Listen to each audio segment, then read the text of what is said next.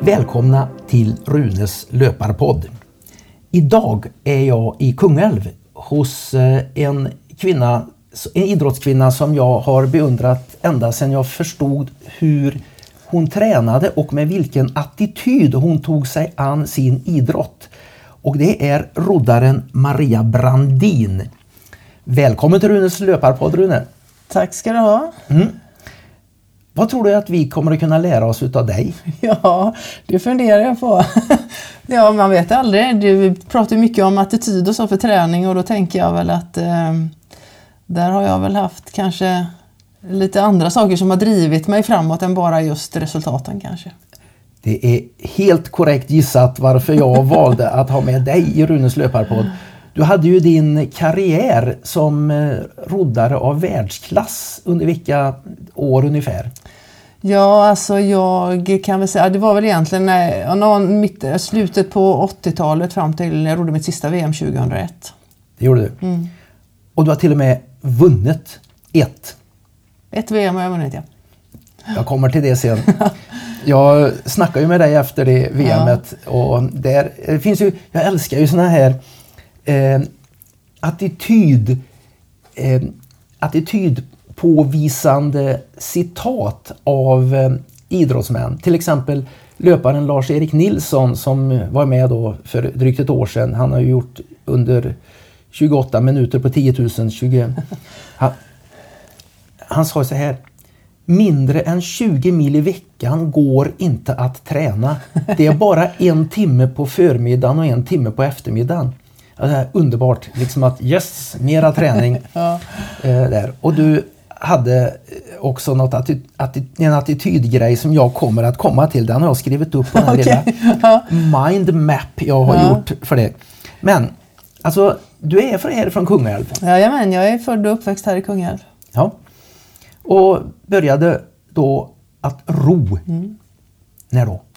Ja, det var redan 1974 någonting sånt tror jag när jag som en liten knatte kilade dit. Men min pappa höll på också. Det gjorde han? Så att det var därför. Jag är uppväxt precis på andra sidan älven från roddklubben. Så att det var jag och alla andra ungarna på gatan som eh, hängde där.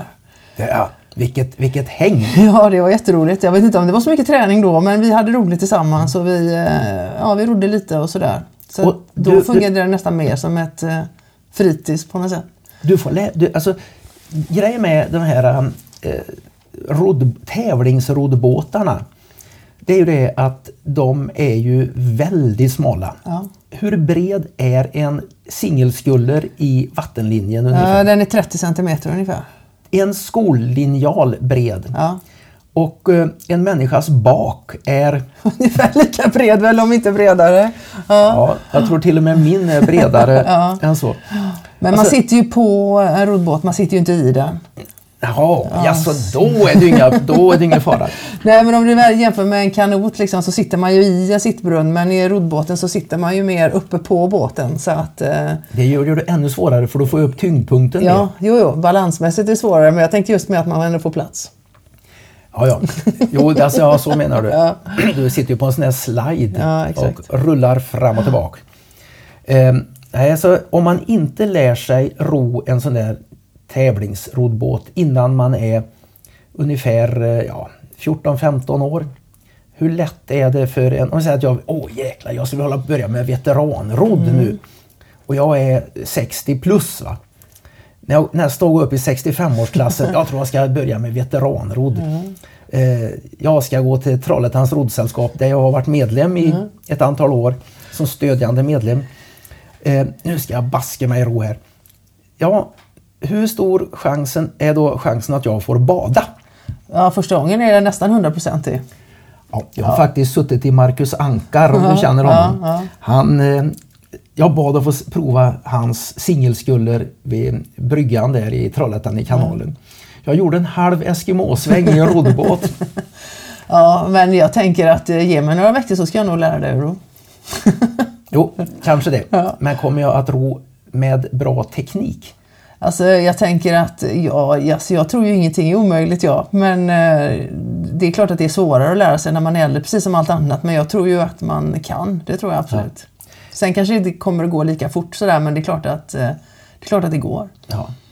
Eh, jag tror att jag mötte dig första gångerna rent, eh, det var faktiskt på en roddmaskintävling här i Kungälv. Ja, kan det 1990, kan det ha varit 1906 var det, tror jag. Ja, det kan det nog ha varit. Ja. Eh, och eh, då rodde jag, alltså anledningen till att jag blev intresserad av rodd, för det första i Trollhättan så var det många roddare som tränade med orienterarna på vintern då. Mm. Jag var orienterare på den tiden. Mm.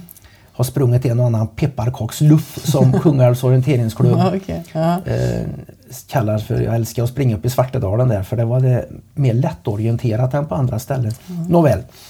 Eh, och vi hade ju Gösta Eriksson då i orienteringsklubben som jag tillhörde. Eh, OS silver i var det fyra ja. de rodde där i Melbourne 1956. 56, ja. ja. Och den lär va, ha varit den enda svensk som har tagit eh, vunnit SM i samtliga klasser tror jag. Jaha okej, okay. ja det vet jag faktiskt vet, inte. Har, har, inte ens du gjort för då var det knappt någon dam åtta va? Ja, jag har nog gjort både åtta och allting men jag har inte vunnit i alla klasser tror jag inte. Nej, när man får tänka efter så. Jag får tänka efter. Ja, men det mesta jag har vunnit på SM, men ja. ja men så har jag min eh, gamla löparkompis Lars Johansson, eh, Lilla Edens roddklubb. Han mm. blev ju löpare sen. Han mm. blev ju en av Västsveriges bästa maratonlöpare. Ja, okay. eh, men han var ju, i och med att han var en gammal roddare. Jag vet att hans, han berättade att han hade varit och tävlat i roddmaskin en vinter. De har suttit nere i femman. Berätta. Ja, det kanske du var med där också? Ja, jag var med där med. Och då, då berättade han om roddmaskinrodd. Då sa han så här. Det är det mest intensiva arbete du kan göra. Eh, det går inte att springa sig lika trött, sa han. Inte mjölksyratrött i alla fall. Nej. Jag tänkte, åh, det måste jag prova. Så såg han en annons i Göteborgs-Posten om en sån här Concept 2 roddmaskin. Och köpte mig en och satte i sovrummet. Och oj, vad jag rodde. Eh, och så var jag med på den här tävlingen i Kungälv. Då var du där. Så att eh, det var ju... Eh, det är ett bra tränings, träningsredskap om man eh, rent, alltså man får träna så mycket som möjligt på lite tid. Alltså det är effektivt. Ja, det finns inget effektivare för Nej. en löpare. Jag tror att om du ska ha ett... Ja, faktiskt nu fick jag en fråga från en tjej. Hon sa att jag kan inte ha ett löpband i källaren för det är bara två meter i takhöjd. Mm, men jag vill ha ett träningsredskap. Vad ska jag ta då? Inga tvekan så. En roddmaskin av bra klass. Mm. Det finns det, då fanns ju bara Koncept 2 ja, de är ju förmodligen världsledande. Ja, det är de nog fortfarande. Eh, köp, gå ut på Blocket och kolla om det är någon som har tröttnat på sin maskin och så köper du en sån. För där får du syreupptagningsträning, kondition. Du stärker en väldigt stor del av kroppen och du omvandlar en enorm mängd energi. Mm. Det som kallas kaloriförbränning. Mm, mm.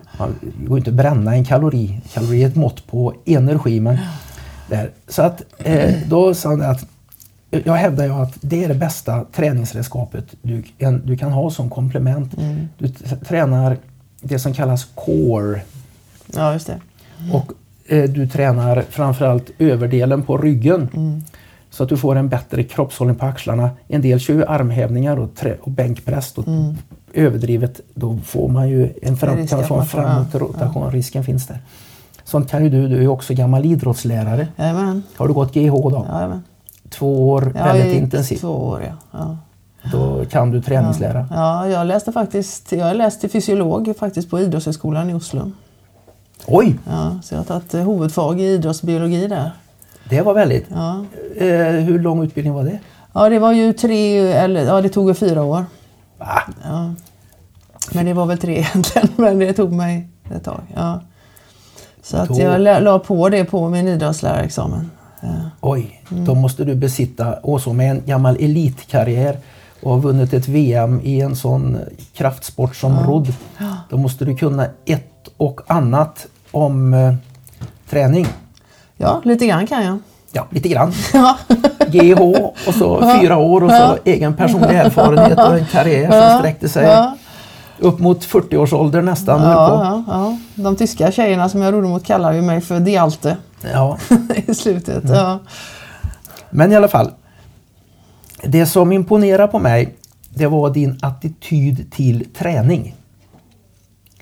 Eh, hur mycket tränade du under den tiden då du var liksom tävlingsroddare? Jag kommer nästan inte ihåg det men alltså, jag tränade i alla fall inte mindre än 20 timmar i veckan.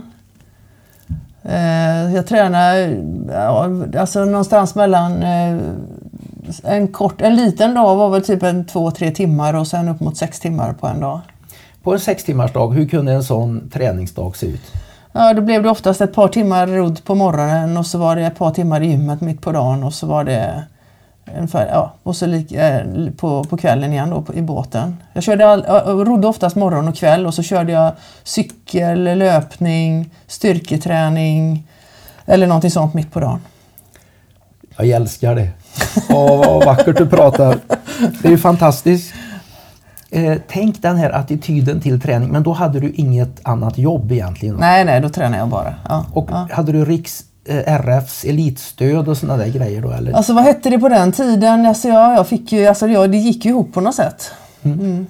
För du var ju eh, du, du var, var, ju olympier också så du kanske ja. fick från alla möjliga... Ja, jag fick ifrån OS. Jag, jag fick pengar lite här och därifrån. Men mm. det var inget fett liv så men eh, det gick ju runt. Det var ju det jag ville göra så att mm. det fick ju kosta lite. Ja. Och nu om några år så får du betala med eh, dålig pension istället. Ja, exakt. Ja. Men det får det vara värt. Ja, jag, jag tror sjuttsingen att det är värt det. det är ju, man kan ju inte mäta allt i hårda eh, Nej. kapital. Nej. Nej. Intressant. Och en dag då du inte tränar lika mycket då. Mm. En, en, en lätt dag då du bara kanske tränade ett tre, pass. fyra timmar. Ja, ett, det kan ha varit ett, en dag med bara två, två och en halv timmes träning kanske. Mm. mm det var en lätt dag. Det var en lätt dag. Ja. Och eh, vad var det för träning då? Ja, då rodde jag oftast. Eh, ju, så, eh, och då kan det ha varit eh, hade sådana här äh, favoritpass där jag rodde typ en, ja, 20-25 kilometer med 10 kilometer med rep runt båten så det skulle bli tyngre. Oj. Mm. Kunde du inte tagit en, en, Nej, du skulle ha samma sorts båt då? För... Ja, ja, så jag drog ett sån här bläckfisk, en sån här stropp runt båten. Ja. Så blir det ju ett jättemotstånd. Okej. Okay. Mm. Men det var ju för att uh, träna på det som är genomdraget uh, så för att det skulle bli ännu bättre och mm. effektivare. Mm. Var rodde du? Du har, ju, alltså, du har ju två älvar att välja mellan. Ja. Du har ju Nordre älv och, och Göta. Göta älv.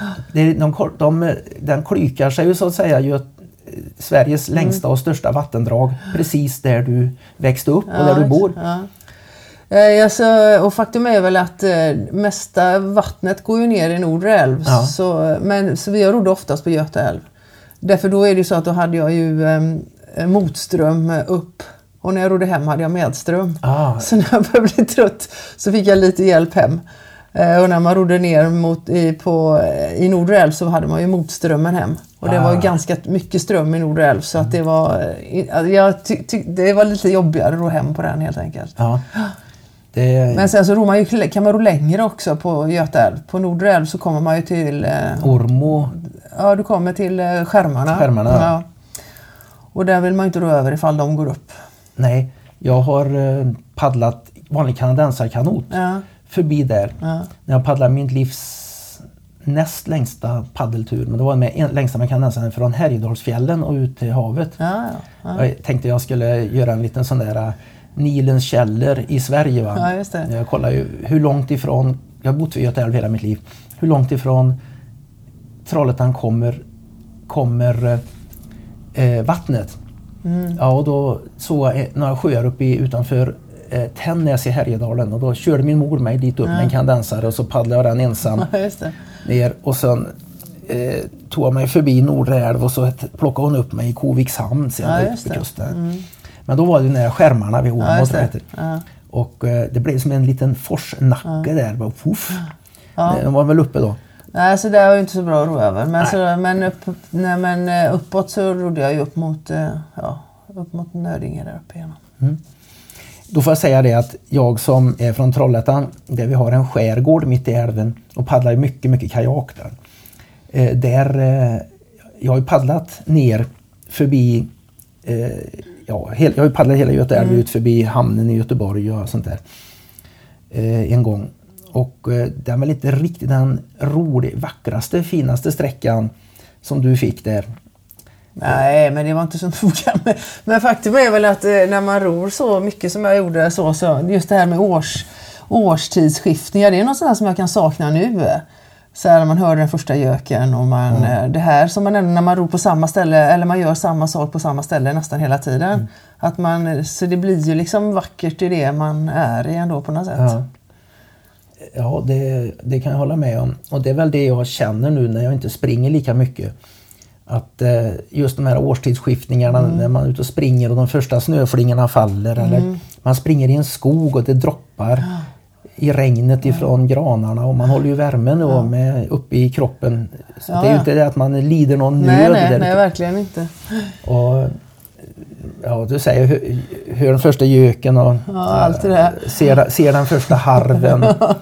nej, nej, det är ju nej, elitidrott alltså. Om det, man nu kan definiera det jag håller på med som elitidrott. Det finns de som gör det och de som inte gör det. Men att eh, att få träna mycket det är ju en ynnest. Ja det är det, verkligen. Och det var ju så, eh, Fredrik, din man, mm. Ni var ju med i ett program på TV som hette Akta rygg. Ja, du, jag kommer inte ihåg det men du påminde mig nu förut. Ja, ja. Ett sånt där slags, där idrottsstjärnor fick ta in sin partner, man, partner, ja. fru, vad som helst. Eh, och då skulle, fick de svara frågor då om sin idrottande partner. Och då var det en fråga så här. Där, om din partner slipper träna en dag, vad gör han eller hon då? Ordet hen var inte uppfunnet på den tiden.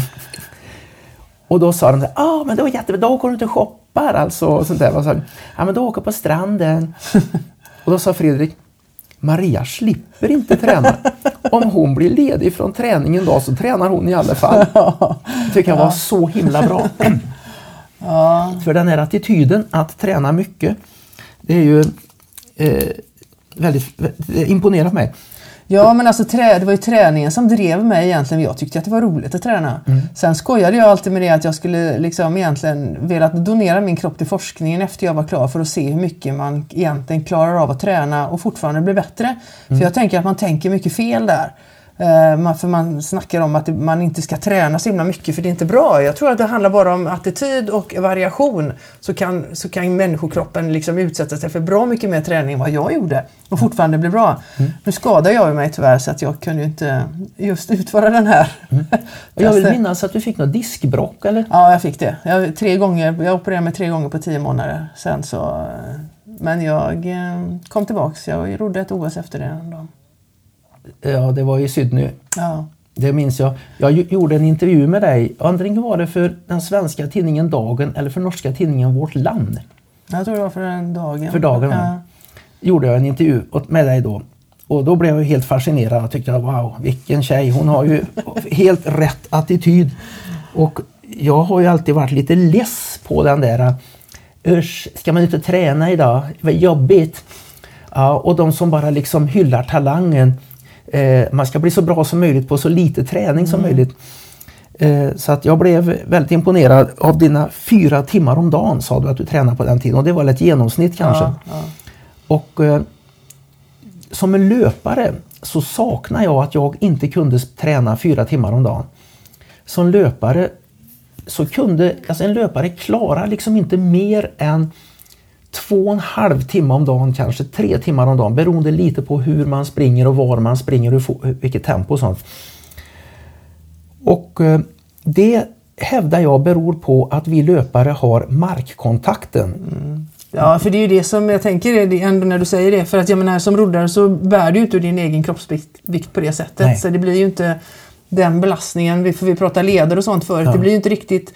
Det är ju det här rörelsen i och för sig som kan vara som till slut utsätter en för saker. Men, eh, men jag tror också att det handlar mycket om att man måste variera sin träning.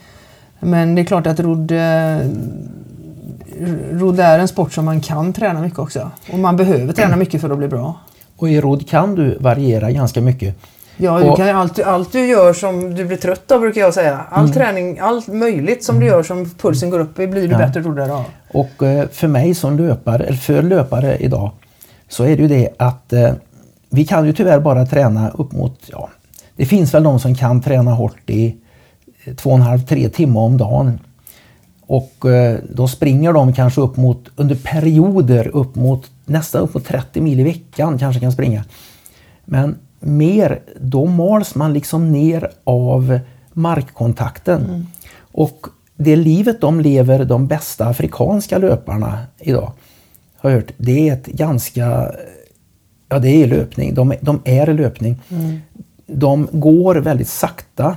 Antingen springer de, eller så när de ska gå och äta eller gå och duscha så går de väldigt sakta.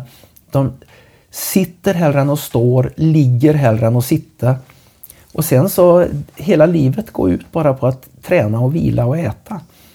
Eh, men hur mycket kunde du vila när du tränade så många timmar om dagen? Kunde du vila tillräckligt eller? Ja, men sen så ja, ja det, det, måste jag ha gjort eftersom, jag, eftersom det ändå funkade. Men jag tyckte jag, jag fann ju en glädje i att träna så att jag vet inte riktigt, alltså just det här att man pratar om hur mycket man behöver vila. Uh, ja, alltså ibland så, jag menar vissa dagar så orkade jag inte träna men då gjorde jag inte det bara. Så. Nej. Nej. Och jag vet eh, några gånger så, vi tränade ju ganska mycket i Borlänge och det var någon gång vi var ute och tränade och Fredrik körde följebåt som vanligt och jag rodde och så var vi uppe 7-8 kilometer hem eller någonting. Och då bara satt och grät i båten, jag var så fruktansvärt trött och sa till Fredrik, jag orkar inte ro mer nu. Alltså det går inte, jag, jag, jag, jag tar inte ett drag till. Då bytte vi så han tog min roddbåt och rodde hem och så körde jag motorbåten hem. För då, var det, då, var det, då orkade jag inte mer. För Fredrik är själv en gammal ja, han, ja, roddare. Ja, ja. Det var ju så att han, eh, när vi träffades var han fortfarande aktiv. Men så inför, eh, på ett träningsläger inför OS i Barcelona så skulle han vara med och sparra mig. Och så höll vi på att fixa med materialet lite grann. Men efter ett par veckor så slog jag honom på alla intervallerna. Och då, då tyckte han inte det var någon idé att fortsätta själv längre. Så då slutade han faktiskt med sin aktiva karriär. Oj. Och, ja. ja. Eh, det har jag, en annan grej jag har lärt mig. Och det har jag lärt mig av löpningen. Man ska absolut inte räkna med att man kan hålla det svaga könet bakom sig. För eh, eh, utav mina personbästan i löpning, och de är inte så himla dåliga i alla fall, så är det väl eh, ja, 2.18 på maraton om man får skryta då. Jajamän, där kom ju hon eh, Paula Radcliffe och sprang mm. på 2.15. Ja. Eh, och blev bästa i det loppet i London Marathon 2003 blev hon bästa brittiska löpare alla kategorier. Bättre än samtliga ja. brittiska män. Ja, ja. Och jag läste i en gammal i en bok om löpning om fenomenet eh, eh, nu börjar jag tappa namn här. Eh, en brittisk löpare som var första under 2.20 på maraton. Han är ett fenomen av, vars, det är 1953, 50 år tidigare alltså. Mm. Han är ett fenomen vars li, like vi kanske aldrig mer får skåda i vår livstid. Eh, kanske är han en genetisk slump. okay. Och då har han gjort under 2.20 på maraton. Mm. Vilket ju är bra distrikt, nationell klass kan man säga nu. Men så kommer alltså den här tjej, tjejen och springer fem minuter fortare än vad han har gjort. Mm. Man får hela tiden räkna med att, att ens alltså, jämför dig inte med tjejer. Jag vet, jag vet en Vasaloppsåkare som eh, var bra distriktsklass. När han blev omåkt av en tjej för första gången i Vasaloppet slutade han åka Vasaloppet. ja. Han klarar inte av det längre. Räkna inte med det. Men eh, all den träningen, och du körde mycket styrketräning. Ja. Eh, du var också fruktansvärt stark i hela kroppen. Ja. Du höll på med tyngdlyftning också? Ja, men det var ju en konsekvens egentligen av att eh, jag ville bli bättre roddare. Därför att eh, man är, alltså i, i, när man sätter i åran så ska man ju liksom på något sätt kunna lägga på all kraften med en gång. Och när man kör såna här olympisk tyngdlyftning, alltså med ryck och stöt, Och när man rycker så står man ju med stången över huvudet ju, och, ja. i, längst ner och ska trycka upp. Och det är, det är ju liksom, då är man ju lika utlämnad på något sätt. Ja. Så vi... Eh, eh, ja, min kusin höll på med tyngdlyftning då i Mossebergs AK så vi smög väl dit lite grann och försökte lära oss eh, lite. Alltså jag blev ju aldrig någon bra tyngdlyftare men eh, tekniskt sett så fick jag i alla fall utvecklat eh, det så att jag kunde använda det till att bli ännu bättre roddare. Men du hade svenskt rekord. Ja, jag hade det. Och det är ju lite roligt, men det är ju för att det var ett jättedåligt, jag kommer inte ens ihåg hur mycket jag lyfte, det var inte mycket, men det fann, den, den viktklassen försvann ju sen så det blev ju liksom lite roligt att uh, ha ett svenskt rekord. Det var, och det var ju liksom lite grann precis i början där när, när det blev, uh, kom igång med lite svensk damtyngdlyftning. Och sen har de ju mm. blivit jätteduktiga nu, mm. och det är roligt. Uh, mm. Vad tog du bänkpress? Jag tog i bänkpress som bäst. Eh, jag vet inte, kanske 85 kilo tror jag. Något sånt. 85 kilo. Mm. Jag vet att när jag hade varit och intervjuat dig då så berättade jag för en kompis om den här fruktansvärt starka eh, tjejen. Då. Och sa ja men vad tjejer kan inte vara så starka. på det. det var inte många. Och så, du sa till henne, hon skulle kunna knippa ihop mig och stoppa mig i handväska om hon ville. ja, ja, jag var rätt stark när jag var så starkast måste jag säga. Ja. ja. Jag tror 140 kilo knäböj. Ja. Ja. ja, det... Man, de säger ju om tyngdlyft, om roddare av elitklass, och nu snackar vi öppna klassen, ja. eller den som också kan kallas tungvikt, men ja. inte man ska kalla tungvikt. Nej, den är öppen för alla. Den är öppen för alla. Ja. De, säger att de är långa som basketbollspelare och starka som tyngdlyftare och har kondition som skidåkare. Ja, ungefär så. Där har du mm. vad som krävs för att bli eh, roddare av världsklass. Mm. Och du, må, du har gjort sådana här fysiologtester naturligtvis. Du är ju mm. fysiolog. Man får ja. säga att du, om du har gått den här äh, fysiologutbildningen i äh, Oslo ja. i fyra år så kan du väl kalla dig för fysiolog fast ja, du inte jobbar som det. Nej, det kanske jag kan. Ja. Eh, då har du gjort en sån här hur många liter syre du tar upp per minut. Ja, alltså jag hade, när jag hade, jag hade 5,3 liter i syreupptagningsförmåga när jag hade någon gång jag mätte när jag hade som mest. Mm. Mm. Då var det inte så många tjejer som hade haft mer än mig. Jag vet inte om det var någon mer i Sverige som hade haft så högt då. Nej. Nu hoppas jag att det är någon som har haft högre. Men... Ja. Men det, det krävs också man har, att man är lång som en basketbollspelare. Ja, och, det, och, det, och vi räknar, som roddare så räknar man ju också bara i liter eftersom vi inte bär på kroppen. Nej. På det sättet som en löpare gör så räknar vi oftast inte på milliliter per kilo kroppsvikt. Nej, precis. För att, för att det är inte så det blir viktigt. Inte det, nej, det blir inte så aktuellt för oss. Eh, så att, eh, för då blir det inte så mycket eftersom vi är ganska stora också. Ja. Men i och eh. med att man använder alla de där till att dra fram sitt redskap istället så... Mm. Ja. Eh, de som du tävlar mot mm. i världseliten där, vitryskor och ja, öststatstjejer ja. och någon kanadensiska och kanske ja. det var någon sån där. Eh, hur stora tjejer tävlade du mot? Hur långa var de? Ja, men jag tittar ju dem i ögonen allihopa. Så att jag menar, vi, ja, vi var ju runt 1,80 allihopa. Ja. Mm. Då har jag alltså ett, ett annat... Alltså, du är inte den enda svenska tjejen som har varit världsmästarinna i rodd i öppen nej, klass. Nej. Frida Svensson. Mm. Eh, hon var ju bara 1,72 lång mm. och vägde bara tror jag, 72 kilo. Mm. Det var en roddare, det var tror jag Lars Johansson till exempel, jag berättade ja. med gamla löparkompis. Han sa det kommer aldrig mer att hända att en så liten tjej vinner VM i den öppna klassen. Nej. Det var väldigt speciella förhållanden det året. Mycket som var speciellt det året. Men det är roligt att hon vann. Ja, mm. det, det förvånar mig faktiskt. Mm. Men Ja, men, men sen så finns det ju alltid, alltså jag rodde ju mot en tjej som, eh, från, från Belgien. Eh, hon var inte heller en av de största. Eh, hon hade ben som var långa, du vet hon hade ben ända upp till armhålorna. Ja. typ. Så det är liksom lite så här olika, alltså lite olika mm, vad kan man säga? Alltså, vi är byggda på lite olika sätt som mm. man kan utnyttja lite olika. Ja. Och den här stora kroppshyddan och långa, långa kroppen, mm. långa extremiteterna. Det är för att man får helt enkelt kraftfullare och längre tag i båten. Ja, ja. du får ju en helt annan sorts hävstångs... Ja. Och sen för att man har ju rott mot ganska mycket utav de som rodde lättviktsklassen då för de väger ju inte mer än 50, alltså de väger ju under, under 60 kilo. Mm. Eh, och då blir det ju en, en, oftast en, en, en, mindre människa som ju inte, inte till slut inte kan liksom få upp den, hålla upp den farten alltså för att de inte har tyngden bakom. Eh, ja, nej, Men sen, finns det, sen finns det undantag där också. Jag vet några australienska, nyzeeländska killar som var lättviktare som vann OS ett år till exempel. I öppna klassen? Ja. Har det hänt? Ja. Jag har hört om en dans. Men de var inte invägda då i och för sig. De vägde ju inte in då det, men de var lättviktare så att de... Mm. Ja.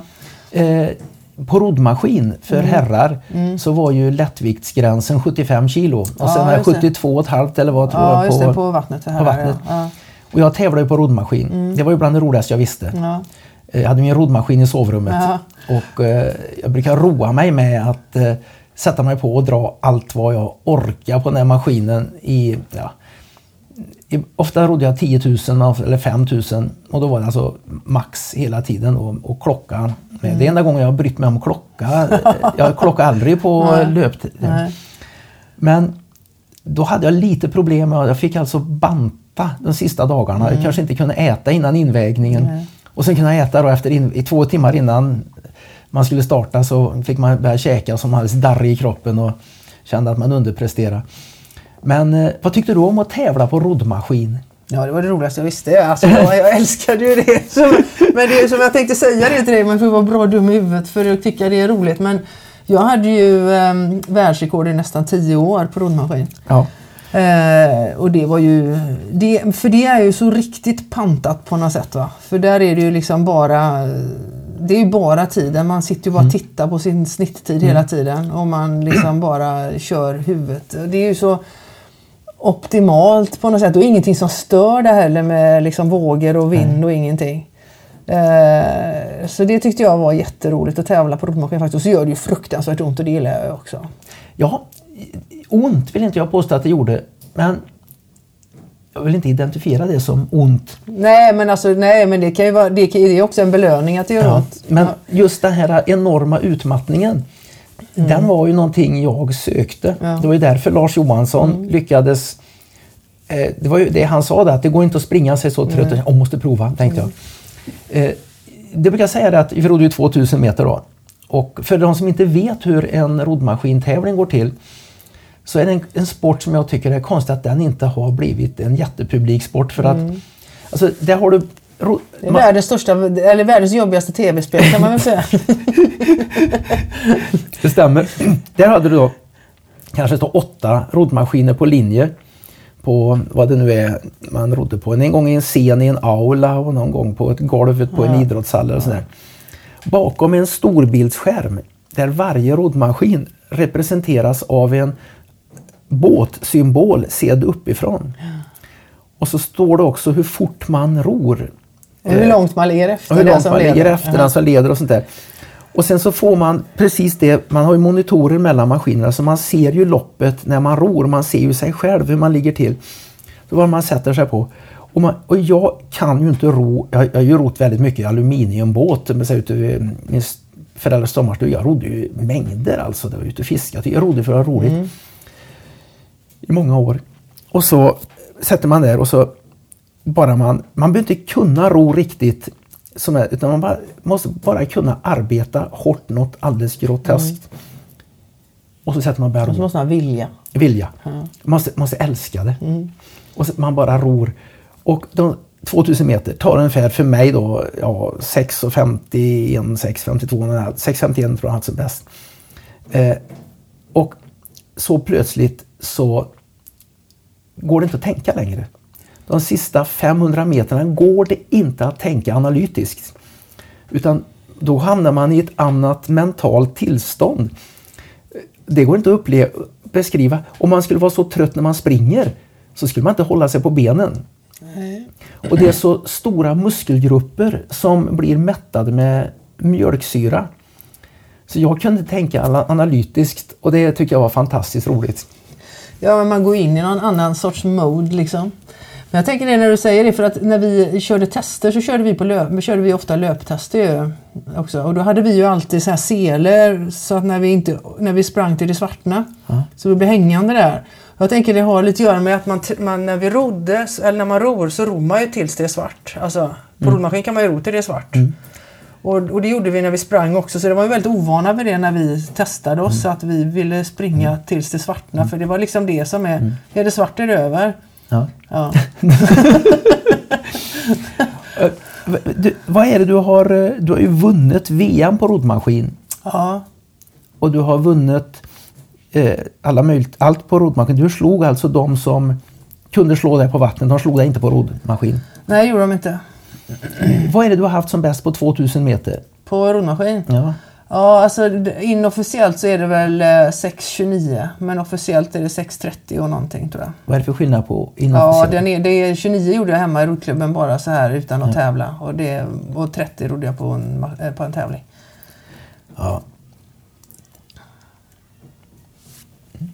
Ja, alltså det är ju, det är ju fantastiskt det med... Och du var över i Boston var VM varje år ja, för att där, ja. där, det var koncept 2. Ja. Alltså, tävla på roddmaskin är ju underbart för att du får ju världsstatistik publicerat hela tiden. På den tiden när jag började då var det inte så mycket att det låg på nätet allting utan fick man lite kompendium. Då kunde man se vad man låg på olika... Men, tror... men på, på, på, VM i roddmaskin på den tiden så var det ju liksom, då var det en sån här jättestor idrottshall och det var ju liksom alltså hur mycket roddmaskiner som mm. helst. Och så rodde man försök och då rodde bara alla så här och så gick liksom åtta bästa till final. Och när jag var där första gången hade jag ingen aning om hur bra jag var. Eller jag visste inte om jag var bra överhuvudtaget. Och sen så bara gick, ja, du slog världsrekord. Va? Va? Vad, va, vad var det då? Ja, det var någonting vad det var. Ja, du, och, så, ja, sen då så, och sen så i finalen så var det samma sak. Att helt plötsligt så kom det en massa folk och ställde sig, journalister och grejer och fotografer och det och de, och de hejar och de hejar. Så vad är det som händer? Ja men det är världsrekord igen. Så slog jag världsrekord i, försö i både försöken och finalen allra första gången jag var med ja, det är ju bara att gratulera. Ja, det var roligt. Eh, några världsrekord slog inte jag. Men min, min, min, bästa, jag är ju inte någon sån här medeldistansare som det är när man håller på i sju minuter. Det bästa jag gjorde på roddmaskin och det var ju som lättviktare då. Mm. Ja, ish som de säger numera. Mm. 75 kilo. Mm. Eh, 36.41 gjorde jag på 10 000. Det tyckte jag ja. själv var rätt bra. Ja. 17.59 på 5000. Ja. Eh, hade vi fått tävla på längre så hade jag kanske... Ja, jag får skryta jag, med. Har du inte rott maraton på roddmaskin någon gång då? Nej. Nej, det har jag gjort. Jag hade världsrekord på det också. Nej! vad hade du på... Vad? Två, två timmar och 50 minuter. 2.50? Ja. Oj, oj, oj. Ja. Ja, det är... Ja, då, satt jag, då, då låg jag ner i en, ett halvt dygn efter. Jag kunde inte sitta. Nej. Nej. Eh, då, då, folk vet ju inte hur man hanterar en roddmaskin. Ja, eh, här, här har vi, på gymmet har vi, ska tävla på roddmaskin. Ni måste ha den inställd på femman mm. motstånd. Det spelar väl ingen roll vad man har för motstånd utan det är som växlarna på en cykel har inte folk förstått. Nej men de ror ju så dåligt också. Ibland blir jag helt ledsen när jag ser det. Mm. Eh, förstör ju sig nästan. Men jag tycker att det är snarare tvärtom, att de ska upp den på tian och så sitter de och fläcker på den. Och så. Mm. Så det, ja, det är synd för folk hade kunnat få mer ut av sin träning om de hade kunnat ro roddmaskin bättre i och med att det är en sån bra maskin att träna på. Ja. Så ror de för kort också, de ror 500 meter och sen har de gjort sitt på den. Ja. Eh, vad var det du brukar ro på för motstånd när du tävlar? Eh, fyra och en halv, fem ungefär. Jag brukar ro på tre. Mm. Där. Ja, det gör jag. Nu för tiden har jag lägre ja. faktiskt. Va, eh. vad jag tänkte är att om du har dålig teknik och är tung och inte har superkondition så kan du tjäna på att eh, ro på högre belastning för att du får långsammare drag och kan mm. hinna med. En, Men har... en, som, en som tävlar på roddmaskin är ju väldigt få som har över sjuan.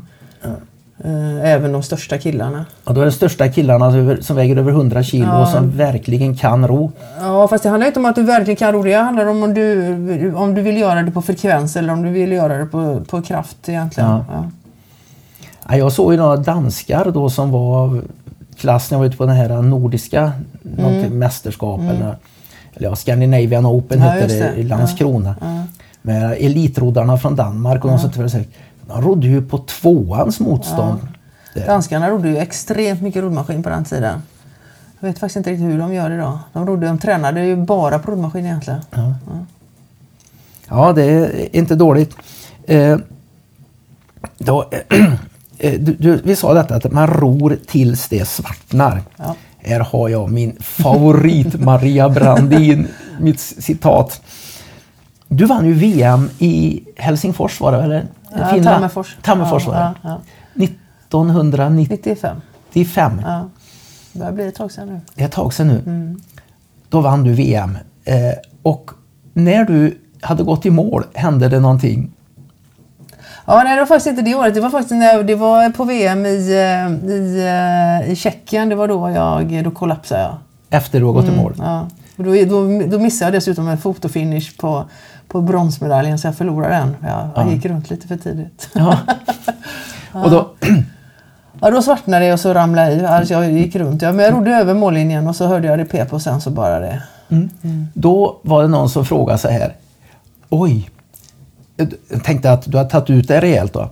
Oj, är inte det farligt? Och då sa du, nej det är inte farligt, de har dykare, man drunknar aldrig. nej, nej, så är det ja. Jag kollapsar faktiskt, jag har gjort det en gång till efter det också. Eh, och det känner jag, det, det på något sätt är, vi, när vi pratar om lite så här märkligt, nästan kanske mina två största meriter. För det är ju liksom, när man har rott så fort eller tävlat eh, och man har tagit ut sig så mycket, då kan man inte göra mycket mer. Då kan man Nej. inte klaga på sitt resultat en dag. Nej. Och det är ju samma som när jag springer till en Spartathlon då. Mm. När jag eh, sjunker ihop i målet och inte orkar vara glad fast Nej. man kanske har vunnit. Ja. Eh, körs i ambulans till sjukhuset. Man ligger i framstupa sidoläge med ett eh, bäcken i rostfri plåt ja, under ansiktet om man skulle kräkas ja. och få dropp och grejer. Då brukar jag säga travestera den här gamla sloganen ifrån ATP-omröstningen i slutet på 50-talet. Men jag säger gärna medalj, men först en rejäl kollaps. Ja, just det. ja. Det... Nej, men det är, väl, alltså, alltså, det, det, är väl det som är grejen också, tänker jag, också med det här med att träna mycket och även tävla eh, hårt, så att säga. Alltså när det börjar flimra för ögonen och man börjar känna att nu är, det, nu är jag trött. Det är ju då det, liksom, det, är då det börjar. Det är då man ska, liksom, tänker jag, det är då det roliga mm. börjar. Mm. Där har vi där har vi en grej till som jag anser att eh, om vi kunde transplantera lite av den attityden du har in på eh, klona den och sprida ut den i idrottsföreningar bland eh, ungdomar och aktiva. Detta med att hedra kampen. Mm. För det ansågs alltså i vissa sammanhang vara fint att vinna utan att ha ansträngt sig. Mm. Och jag vet, jag sprang ett 100 km lopp en gång och vann det. Eh, jag var ju då kanske en halvtimme från vad jag hade kunnat sprungit det på om jag hade verkligen pressat. Men jag, jag kunde liksom inte pressa mer den dagen. Eh, det, det, det, fanns inte i huvudet. Det, jag skulle vilja gjort det. Och så, och så vann du. Och det finaste var att det såg så lätt ut. Du blev ju aldrig så inte ut och blev trött. Så nej, men det, det, var ju synd att det var så för att det var ju eh, det berodde på att jag inte var tillräckligt stark i psyket. Jag behövde inte kämpa. Jag skulle vilja ha någon att kämpa mot. Man får mm. ha den attityden. Mm. Men det är faktiskt lite roligt när du säger det för att jag tävlade ju på Henley. Och där var det ju inte fint att vinna med för mycket. För man skulle inte, men det visste inte jag för jag fick, de berättade det för mig. För man skulle liksom inte förnedra, förnedra den andra. Underbart. Men det var ju, tyckte jag var roligt. Alltså, ju, mer man, ju, ju mer före man är desto, desto roligare är det ju. Fast det, det, det var inte okej okay där så där skulle man helst inte obliterate då, alltså helt ut, ut, utklassa sina motståndare utan man skulle bara vinna med lite lagom. Nu måste du berätta om världens absolut snobbigaste ja. Eh, roddtävling, ja. Henley. Ja. Berätta om Henley. Ja, det är ju en fantastisk tillställning. Men det är ju, det är den gamla OS-banan där, så den är ju lite längre än 2000 meter och sen så är det, går den på strömt vatten på Themsen. Och det är OS från, eh, ja, från Anno Dazumal, ja, ja. 1900? Ja, vad är det? 8. Någonting sånt ja. Mm. Och 48 eh, kanske de använder det också? Eh, nej, det tror jag faktiskt inte för det är bara två banor. Ja. Så man tävlar emot varandra så man vinner eller förlorar. Så det är som en kupp liksom. Ja. Eh, och, så, och där är det ju då klädkod och grejer och, och jordgubbar och champagne. Och... Berätta om klädkoden. Ja, alltså man ska då vara på den fina läktaren då som är hela den sista biten såklart på ja. banan. Där måste man ha klänning eller kjol nedanför knät och man måste ha kostym och slips. Det är publiken det? Det är publiken ja. Mm. Och får, vinner du så måste du också då ha så fina kläder för att kunna ta emot ditt pris. Eller så får du möjligtvis ha din klubboverall. Och du gick i långklänning? Jag gick i klänning, ja. Eh, det... Fem gånger. Fem gånger har du vunnit? Ja, jag var den första kvinnan som vann Henley. Eh, det var det? Mm. De hade inte damklass innan? Nej. Men, de, men världskuppen ville ha tävling, singel världscup ville vara på Henley.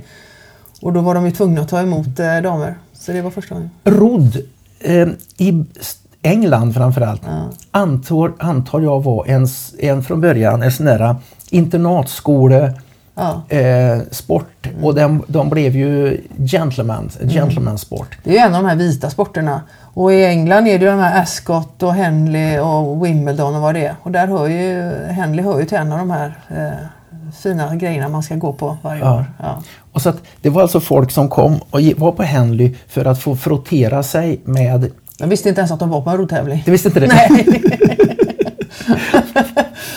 och så fanns det säkert några gamla såna här eh, jubar som hade gått på Eton. Ja. Och ja, de, de gick med sina små fina hattar och såna här mm, kepsgrejer. Ja. Och som hade rott. Ja. ja. jag, rodde, jag rodde fjärde åran för Cambridge eh, 1962. Bara starten på Henley är ju annorlunda mot alla andra tävlingar för det är liksom, man kallas som Miss MH Branding. Och, så, och det är du liksom inte. Och så, och så frågar de och så här, när jag ser att du är klar och redo, då, vill vi, då startar vi loppet. Jättefint. Ja, men det är jättefint, jätteroligt. Det var verkligen jätteroliga år eh, att tävla på Henley. Mm. Verkligen, verkligen.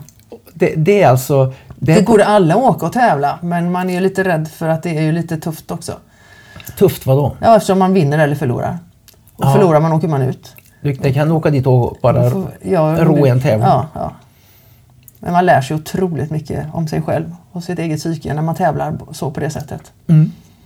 Och eh, det kan alltså, rodd tillhör ju den jag anser vara de hedervärda slit, svett och snorsporterna. Ja, ja. snackar vi hedervärt då? Ja, ja, ja, jag ser det som hedervärt. Ja. ja. Och eh, så kommer en slit, svett och snorsport in i den absoluta aristokratins mm. finrum. Ja där, Henry, där det är så gentlemannamässigt, så gentlemannamässigt att man ska inte vinna, man får gärna vinna, man ska vinna men inte med för mycket. Nej. Nej. För det är liksom... Och tjuvstarta får man absolut inte göra, då, då buar publiken åt det. Vilket jag också har fått erfara. Har du tjuvstartat i Henry? Oh ja, oh ja. Och, men har du en chans till då eller? Ja. Det får man. Mm buar publiken, usch. Och sen på prisutdelningen efter då är det väl någon eh, höga dignitärer då som... Eh, ja, kungligheter och allt vad det är som delar ut priserna. Det är det. Ja. Vilken kunglighet har du? Nej, det var, det var någon mindre kunglighet som ja. Eh, delade ut. Ja. Lite jag är inte så bra på de engelska kungligheterna. Nej, lite lägre någon öl av något slag eller något. Ja. Lite lägre ner i successionsordningen. Ja. Så den, a spare for the spares. Ja, spare. Av, eh, eh, underbart. Henley, det måste ju varit en fantastisk grej. Och Ja, det var roligt. Alltså, du har ju fått vara med om en hel del tack vare din idrott och OS då naturligtvis. Ja, fyra OS har jag varit på. Fyra OS! Mm. Uja mig. Det var inte dåligt. Mm. Det var, jag tror bara det är en som har... Jag, jag, jag tror du är den sjunde olympiern som jag har i Runes löparpodd ja. nu. Kan det vara åtta? Jag vet inte. Mats Eriksson, var han med i något OS? Mm, kanske. Han var ju löpare då. Ja, ja. Eh, men hur är det att vara med i ett OS? Ja, det är roligt. Vilka OS var du med i förresten? Eh, Korea, eller Seoul 88, eh, Barcelona 92, Atlanta 96 och, och Sydney 2000. Var gick det? Vad var det roligaste utav OSen? Eh, det var nog roligast eh, i Sydney egentligen. Men då gick det ju sämst. Men, eh, men det var vidrigt också på många sätt i Sydney. Ehm, men eh, första var ju fantastiskt eh, såklart. Ehm, det var ju på den tiden det var öst också. Så det var ju lite, lite så. Men Barcelona var också, alltså alla OS hade sitt. Jag tycker det var, det var fyra fina OS. Mm. Eh, Sydney var förfärligt för det, vi rodde jättetidigt på morgonen. Vi hade jättelångt till banan och det var inte mer än åtta grader eh, när vi skulle ro klockan åtta på morgonen. Oj. Så det var... och då hade jag ju opererat mig så många gånger för diskbråck så jag var ju inte, alltså min kropp var ju inte riktigt med mig och när det var så kallt så blev det svårt. Så vi gick upp klockan fyra för att försöka få igång kroppen och så.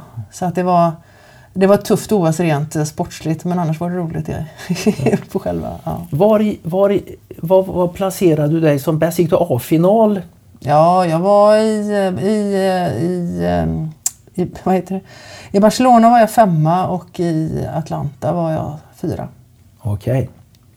Så jag har väl ganska bra OS-resultat. Men, ja, det är, ja. det är bara, bara att komma till ett ja. OS och att gå till A-final. Fast efter i, i, Atlanta var jag ju helt... Eh, då satt jag och grät en hel natt och ville ju inte helt gå ut för att då hade jag ju kommit jag ju fyra och det, det var så dåligt så att eh, det skämdes. Jag, jag, jag skämdes över att jag hade kommit fyra. För jag tyckte det var så dåligt. Nej men, du, du har mycket då, då hade du mycket att lära av livet. ja, jag kom ju dit som... Då hade jag ju vunnit VM året innan. Ja. Jag kan förstå den pressen. Ja, men det, ja, jag tyckte det var förfärligt dåligt. Men sen nu, jag menar det var ju jättebra såklart. Jo, jo. Ja. Eh, att toppa sig för mm. ett, eh, en sån här väldigt viktig tävling. Hade någon speciell träning, gjorde någon speciell träning för att toppa dig? Periodisering, formtoppnings... Ja, eh, körde ju pass. ganska mycket hårt och vilade sen egentligen bara.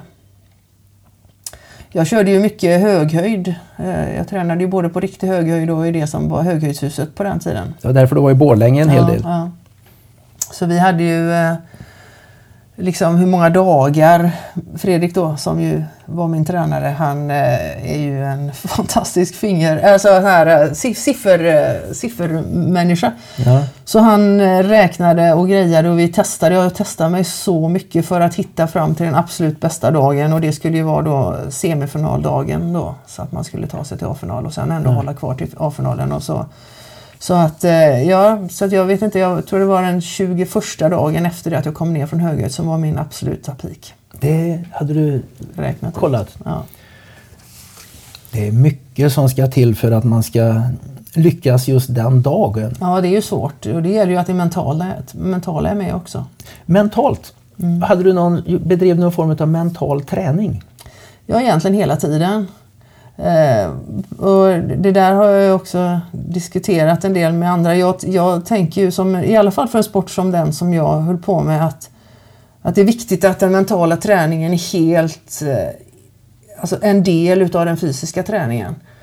Eh, så att man liksom lägger, eh, lägger det här liksom i det här att stå ut, att vilja mer, att det liksom hela tiden bakas in, den här lusten och glädjen i att det är det, det betalar sig att bli trött, det är roligt, det är lustfyllt.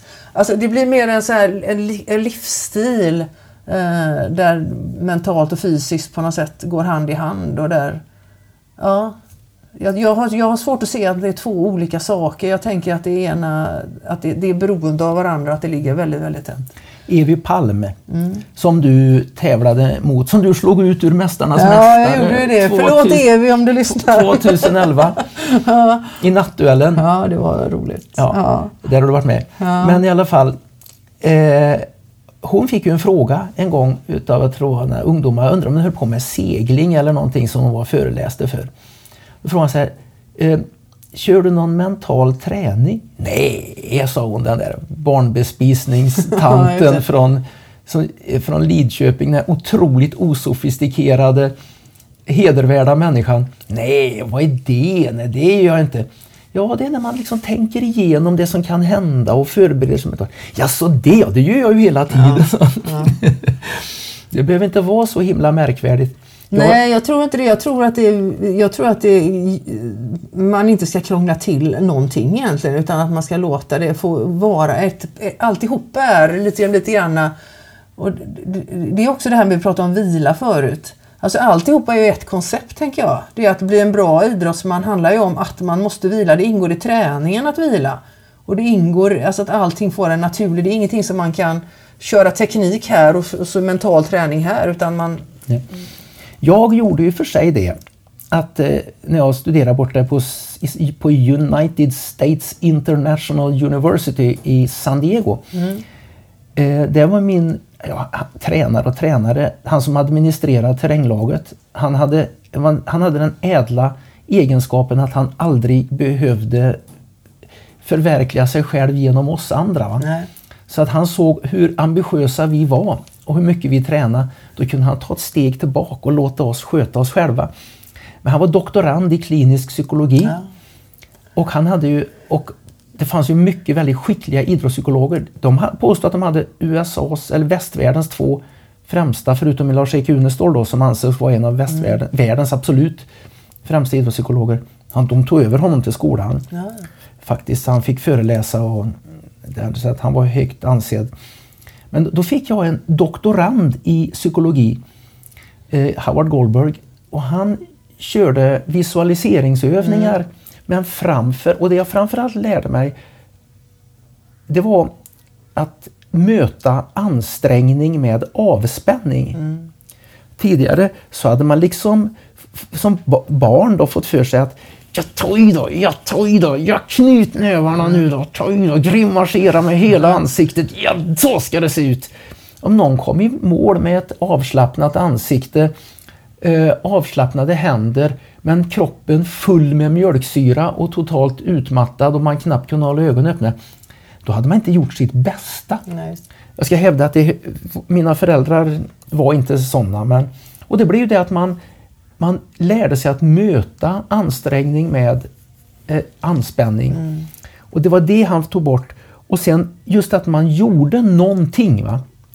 Man, tog, man kände man tog, la till en grej till sin träning mm. som verkar vettig och den var den för mig. Det gjorde också en väldigt stark psykologisk eh, mm. grej på mig. Så jag hävdade att, men sen men då lägger du den ändå i din träning. För ja, ja, liksom, ja, ja, eller hur? Du kan inte, det, det liksom går inte att ha det som en sak nej. som ligger bredvid nej, utan den nej. måste in i träningen för Exakt. att bli eh, applicerad på din... Ex Exakt. En annan faktor, du tränar och du vilar och du äter. Mm. Vad då? Ja, så mycket som möjligt på den tiden nästan. Ja, du, jag förstår det. Det var inte så mycket med det, det var bara att äta. Det var, ja. inget, det var ingen sån där uh, vegandieter? Nej, jag åt bara helt vanlig mat. Alltså jag lagar ju all maten själv också. Och då på den tiden bakade jag bröd också. Jag satte en deg innan jag gick ut på morgonen och så jäste den. Och så, ja, så att, eh, nej, ja, när vi, vi levde ju ganska smått Fredrik och jag då på den vi hade inte, man hade det ju inte så fett heller. Så att, vi lagade vår egen mat och åt vanlig, vanlig mat. Det är som den här uh, matlagnings... halvproffset be, bespisningstanten Evi Palm. Mm. Nej, jag åt vanlig mat. Blodpudding. det var väl någonting som förenade oss. Vi, vi båda åt högkvalitativ blodpudding. Mm. Alltså nu snackar vi riktig blodpudding, ja, på, gjort på riktigt ja. blod och inte på frystorkat. Det är Evi och jag. Vet vi, vi, ja. Vi borde bli sponsrade av blodpuddingslobbyn. Ja, nej, men när man tränade så mycket, det var ju bara att äta. Det var inte så mycket att fundera på. Har du, alltså, fanns det plats för löpning någonting i din träning? Då, sprang ganska eller? mycket. Det gjorde du? Ja. Mycket långa pass. Jag var ute och sprang tre fyra timmar. Oj! Ja. Oj, oj, oj.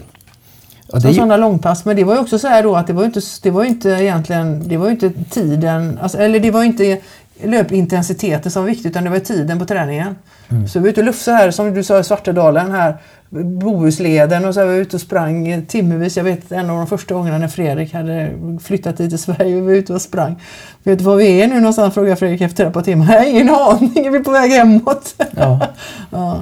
Jag har ju gjort en del roliga Eh, Svartedalen är ju bland det finaste mm. jag vet i Sverige. Svartedalen, Bredfjällen, för, den gamla bohuslänska fjällbygden. Alltså. Mm.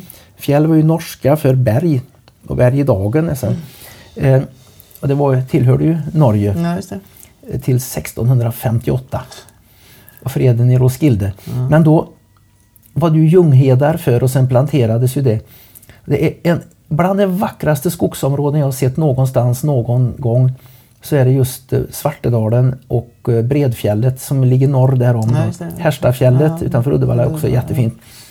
Eh, så jag har ju gått, oj jag sprang, jag brukade ta buss på den tiden, det gick ju inte tåg som stannade i Bohus. Tog Nej, buss till Bohus, sprang över Jordfallsbron och sprang upp över Fontinskogen. Mm. Och upp på Bohusleden och sen så sprang jag antingen på Bohusleden eller så sprang jag bara rakt genom skogen. Jag åkte till och med skidor ifrån slätten där uppe du vet, eller norr härom. Den golfbana finns ja, det. Ja, på Lysegården där uppe. Ja. ja, just det.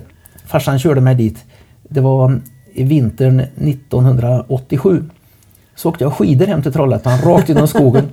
Det var så långt så jag var tvungen att övernatta i kanten på en skogssjö. Mm. Jag hade en, hängde upp en, en termometer på skidstaven. Det var 18 minus.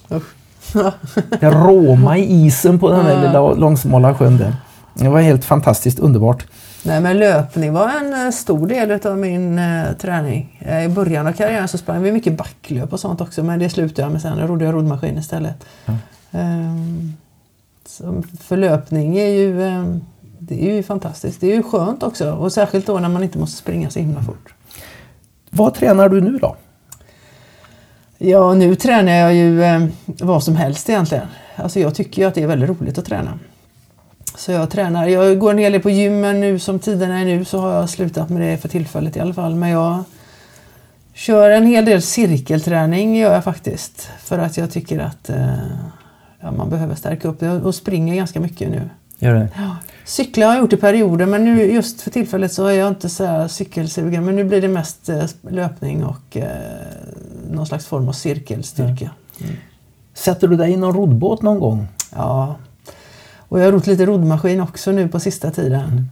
Mm. Jag rodde lite grann i somras och jag, ska, eh, jag har båtar kvar som jag ska plocka fram till nästa sommar. Så jag ska tänkte att jag ska ro lite mer nästa sommar. Har båtar kvar. Ägde du din egen? Du ägde ja, jag ägde på slutet, alltså i slutet av min karriär så jag köpte jag mina egna båtar. Eller jag fick dem. Vad, vad, vad kostar en, en eh, singelskulder som du kan tävla i ja?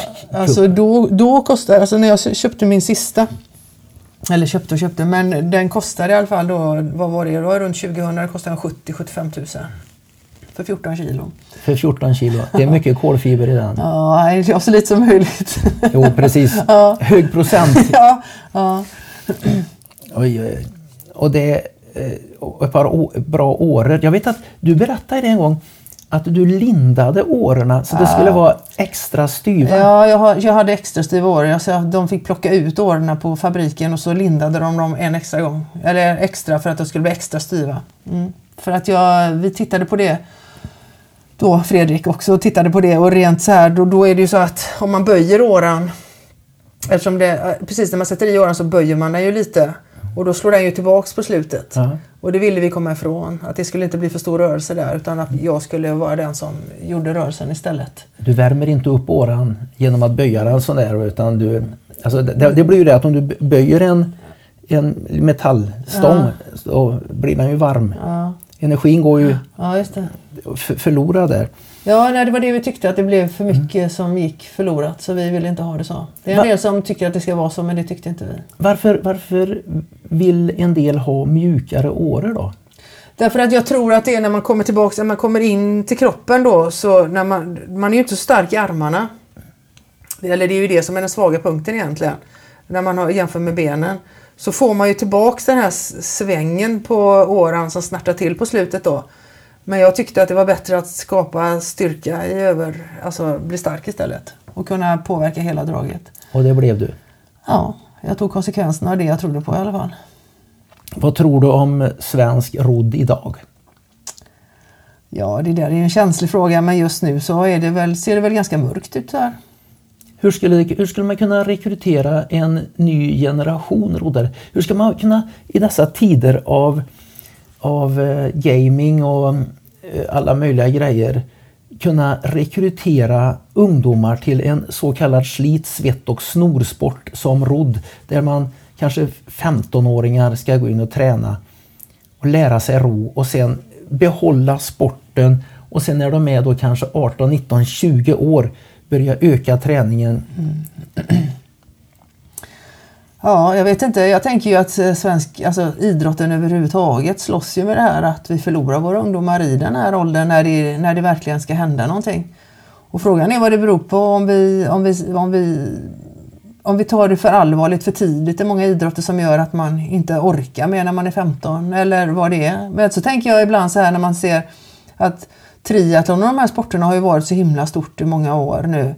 Och, och så här multisport och sånt där när man verkligen ändå ska hålla på länge. Och då tänker jag att då borde ju rodd vara fantastiskt. Med tanke på att och det är en allsidig träning och sådär.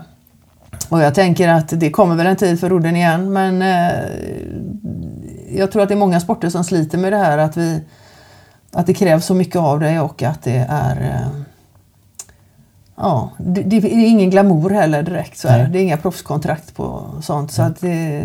Kan man få några scholarships då så att man får studera gratis i USA som jag fick som terränglöpare? Ja, det finns ju det.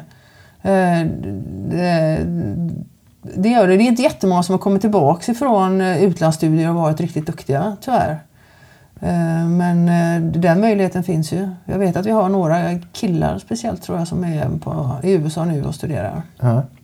Så man bara hoppas att de kommer tillbaka med, med, ett, med, med ambitioner och eh, lust. Och framförallt kunskap. Ja. Och eh, att de sen i sin tur kan eh, gå in som tränare och inspiratörer. Mm. Mm. Jag ser ju med ultradistanslöpning som var min passion och sport i så många år hur attityden har förändrats. Det är också en sport som kräver väldigt mycket av utövaren. Och det var ju ingen som helst glamour. Ordet galning var ju det vanligaste man eh, fick höra att man var. Mm. På 80-talet då mm. och in på 90-talet. Eh, du, kan man säga någon, du, skulle du kunna... Fan, du har rätt eh, profil för att kunna bli en bra ultradistanslöpare. Du har kört fast på maraton. Du ligger runt 2.23, 2.21 nu. Du kommer inte komma in i landslaget. Men med den profilen du har så skulle du kunna kanske få en ny karriär som ultralöpare, springa 100 kilometer. Nej usch, så galen är jag inte. Det är det ni håller på med. Det är ju inte ens idrott enligt min definition kunde man få höra. Va? Och det var en löpare som sa det. Det var ingen som skulle skriva i sitt CV eller sitt personliga brev när man sökte jobb att man höll på med ultradistanslöpning. Jag berättade när vi, innan vi att, att jag sökte jobb som eh, försäljare av fönster eh, år 2000. Inte 17 vågar jag uppge att jag var ultradistanslöpare då. Det var år 2000. Sen var jag på VM i dressyr, ryttar-VM i, i, Stockholm och det var Antonia Axelsson Jonsson, hon är ju stor sponsor, hon har ju den här Axelsson-koncernen, de har ju alla de här livsmedelskedjor och allt möjligt. Och berätt, höll jag föreläsare för dem. Då pratade jag med henne efteråt och sa så ja, eh, jag sitter ju med när vi tar ut våra toppchefer, de olika positionerna, de olika företagen i koncernen. Och jag ser ibland att de uppger i sina personliga brev att de är ultradistanslöpare och tänkte jag, oh, oh, oh yes! Nu har alltså det gått från att vara galenskap ja. till ett, ett tecken på personlig karaktär. Att man har en personlig karaktär som man kan ägna sig åt något som kräver så mycket arbete och så mycket disciplin och som har det som kallas för på engelska delayed gratification, att mm. belöningen kommer senare. Ja, det här har varit fantastiskt. Eh, ditt liv nu, du, har, eh, du bor här i Kungälv med Fredrik och du har två barn. Ja, just det, ett tvillingpar. Som är ungefär gamla? De fyller 15 till sommaren. 15 till sommaren. Och du har varit idrottslärare i många år. Ja. Eh, vad jobbar du med nu då? Jag är diakon nu i Svenska kyrkan. Okej. Okay. Mm. Jag har förstått av en diakon det är ju att det är ungefär som en socialarbetare inom kyrkan. Ja, det kan man säga. Har jag uppfattat det ja, rätt? Ja, det är rätt. Går man in och gör andra sådana här äh, kyrkliga uppdrag också? Är någon slags reservpräst vid behov? Eller?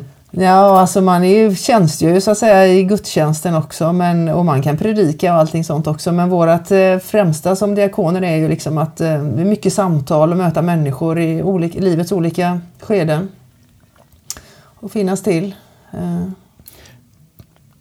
Och det trivs du med det jobbet? Ja, jättebra. Jag har inte jobbat jättelänge men ändå ett och ett halvt år och jag, ja, det är fantastiskt fint. Och det är du nere i Göteborg då? Eller? Ja, i Torslanda, Björlanda. Torslanda, Björlanda. Mm.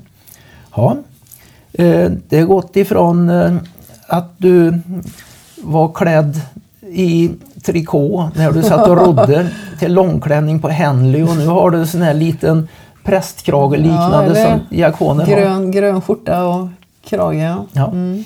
Livet tar sina vändningar. Ja, men man vet blev... aldrig vad som händer. Nej. Men lika spännande hela tiden. Det är det. Ja du, Maria Brandin.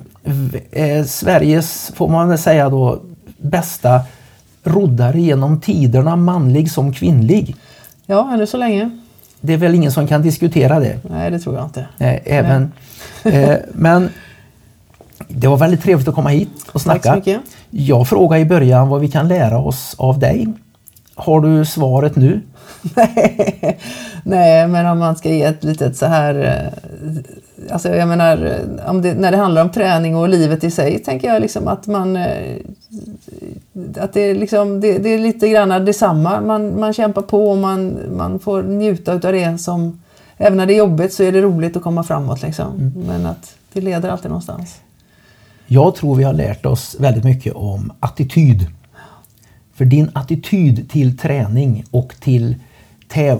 Den, inte det här, det som av någon konstig anledning så ett ord jag sällan använder utan att eh, spotta efteråt, vinnarskalle. Mm. Jag tycker inte om det ordet överhuvudtaget.